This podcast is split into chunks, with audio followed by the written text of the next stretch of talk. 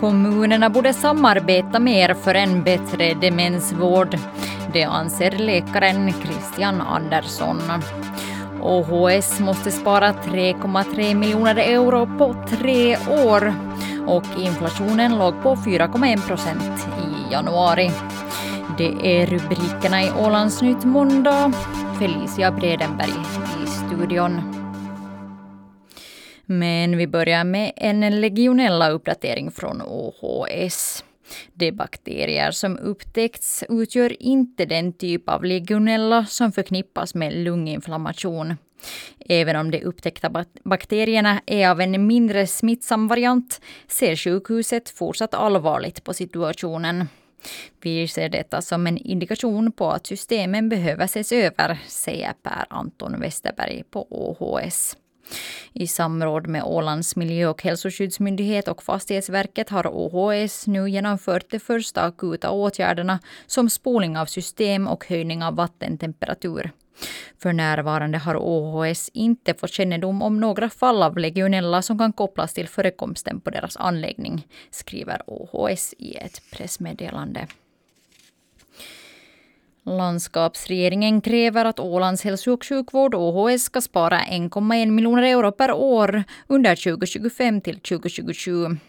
Styrelseordförande Ville Valve, Moderat Samling, säger att det pågår diskussioner med personal om vilka sparmöjligheter som finns och att det ska beredas ett förslag till nästa styrelsemöte den 7 mars. Ville Valve säger att, att OHS också ser över möjligheterna att öka intäkterna för att inte behöva ta till så stora inbesparingar. Det kommer att krävas ganska mycket arbete och vända på alla stenar och sen kan man ju notera vilka, vilka saker som är undantagna.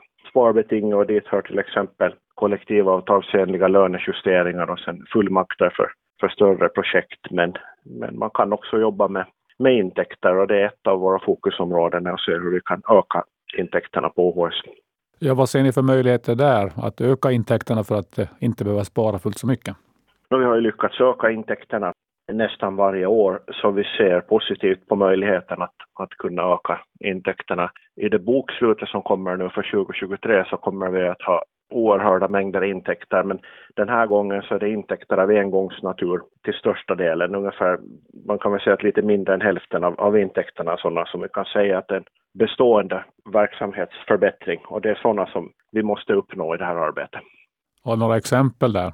Ett exempel handlar om, om ersättningarna från FPA som, som OHS har blivit mycket bättre på att driva in till exempel när det, när det handlar om olika former av tolktjänster, flyktingmottagning, liknande. Och sen finns det också en stor potential i, i OHS samarbete med, med andra sjukvårdsområden, sjukvårdsdistrikt. Vi, vi både köper och säljer tjänster och vi kan bli bättre på det.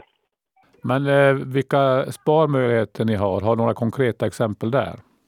Idag har jag inga konkreta exempel för nu pågår det diskussioner med, med personalen och, och sen kommer det att, att beredas ett förslag till styrelsemötet den 7 mars som, som också kommer att ha en, en eh, nivå för de kommande två åren. Det sa Ville Valve, styrelseordförande för OHS. Reporter var Thomas Tornefjell. Utökat samarbete över kommungränserna skulle ge bättre demensvård. Det tror Christian Andersson, läkare vid Ålands hälso och sjukvårds minnesmottagning. På Åland lever just nu 300 personer över 65 med någon form av demenssjukdom. Behovet av vårdplatser är stort och både Mariehamn och kommunalförbundet Oasen utreder olika lösningar.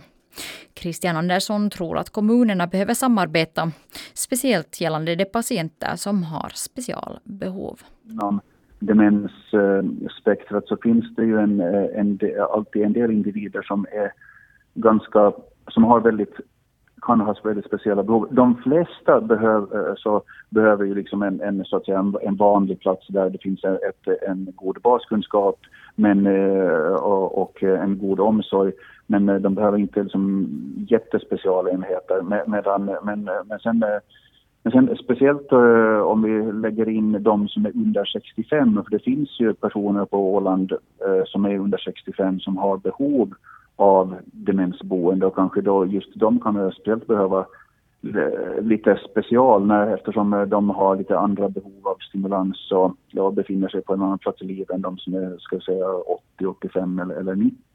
Så, det, så att eh, de, det, det, är ofta svårt att hitta liksom en, en bra eller jag ska säga en optimal, ja, bra kan det vara, men jag ska säga att hitta en optimal vårdplats för en, för en så pass ung person med demenssjukdom. Där skulle någon form av kommunalt samarbete var bra, att man, man eh, tänker jag mig. Och, och, även liksom för ska säga, lite mer utmanande patienter även, även i andra år, år, årgångar. Så gärna liksom någon sorts eh, samma projekt me mellan de olika kommunerna, skulle jag, eh, skulle jag tycka.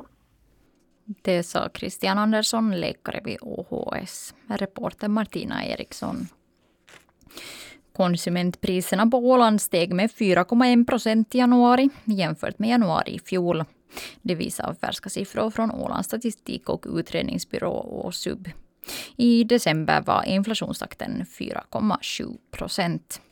Det var främst prisökningar inom grupperna diverse varor och övriga tjänster samt bostäder, vatten, elektricitet, gas och övriga bränslen som bidrog till inflationen.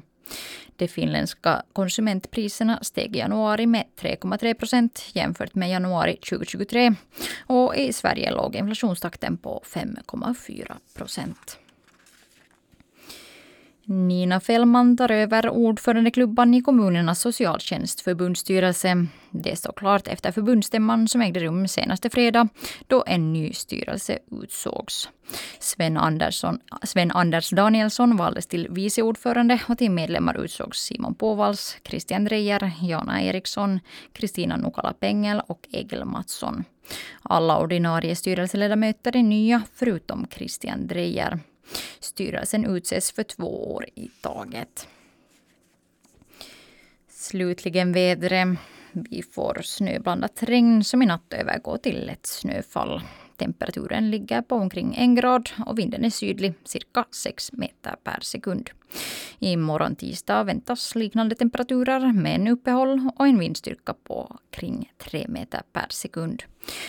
Sjövädret för norra Östersjön, Ålandshav, Skärgårdshavet och Bottenhavet. Vind omkring syd 6 till 10 meter per sekund. Från i natt 4 till 8 meter per sekund. Tidvis regn eller snö, annars god sikt. Det sätter punkt för Ålandsnytt. Mitt namn är Felicia Bredenberg.